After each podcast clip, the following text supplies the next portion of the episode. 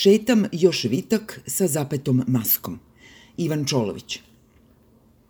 Predsednik Vučić se u jednom trenutku zabrinuto zapitao da li će srpska groblja moći da prime sve pokojnike ako se broj onih koji umiru od koronavirusa naglo poveća.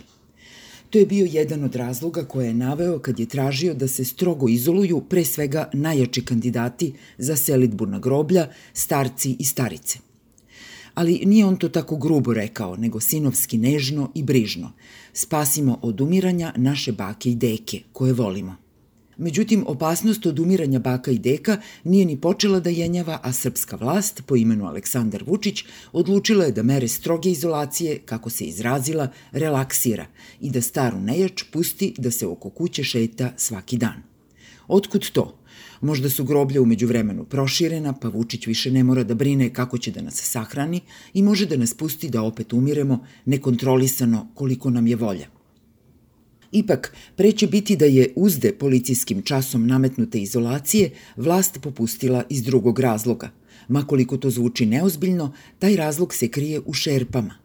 Onima u koje su poslednjih nedelju dana građani širom Srbije lupali sa prozora i balkona svojih stanova u znak protesta koji je nazvan bez uvijanja i metaforisanja protest protiv diktature.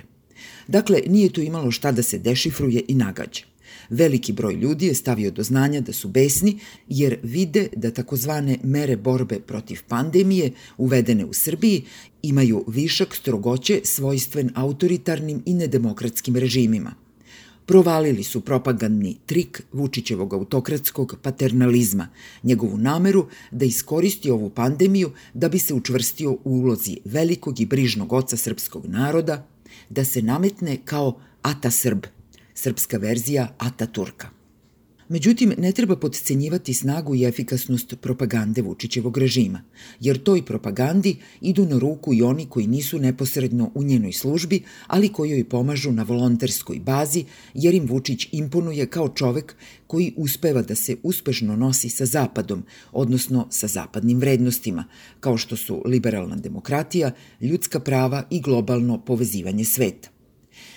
Kad u našim medijima čitam i slušam komentare o problemima na koje u borbi sa koronavirusom nailaze demokratske zemlje na zapadu, imam utisak da je manje onih koji su zabrinuti za sudbinu demokratije, a više onih koji se nadaju da će demokratiju ova epidemija dokrajčiti. Na sve strane odjekuju radosne prognoze da sledi propast liberalne demokratije i s njom globalizacije i s njima takozvanih ljudskih prava, kao i svega drugog čime nas u Srbiji već odavno muči mrski zapad a uz to idu i pohvale navodne efikasnosti s kojim se sa epidemijom bore Kina, Rusija i druge zemlje koje u praktikovanju demokratije ne preteruju i drže na bezbednom odstojanju, ako je se nisu i potpuno ratosiljale. Biće interesantno videti kako će ovi demokratoskeptici objasniti vesti od pre nekoliko dana o naglom širenju zaraze u Rusiji, opasni ostaci demokratije i za nju karakteristične nediscipline, možda terorizam. Na ove neprijatelje Zapada i demokratije moći će Vučićev režim da računa i kad epidemija prođe. On je sigurno neće prepustiti zaboravu. Neće dozvoliti da se korone neko drugi seća – jer Vučić i ljudi oko njega odavno znaju kako se u politici sećanja porazi pretvaraju u pobede, sramota u slavu i čast. Dakle, uskoro ćemo imati oficijalno režimsko sećanje na ovu epidemiju, koje će, kao i sećanje na ratove 90-ih, ući u školske učbenike i programe kao primer još jedne velike pobede Srbije i mudrog srpskog vođe. Osnove za tu memorialnu postvirusnu politiku već su postavljene. Već danima nas Vučić i njegovi ministri uveravaju da ćemo iz epidemije izaći u boljem stanju nego druge zemlje. Oni koji ih slušaju već znaju da će glavna posledica epidemije u Srbiji biti velika afirmacija naše zemlje u svetu, jer su se navodno ona i njeno mudro jednočlano rukovodstvo s najmanje štete izborili sa ovim neprijateljem čovečanstva.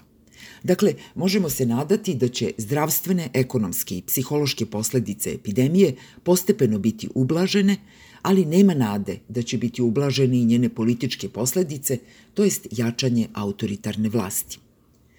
Umeđu vremenu čekam da izolacija opet bude redka privilegija nas koji umemo da je cenimo i šetam još vitak sa zapetom maskom.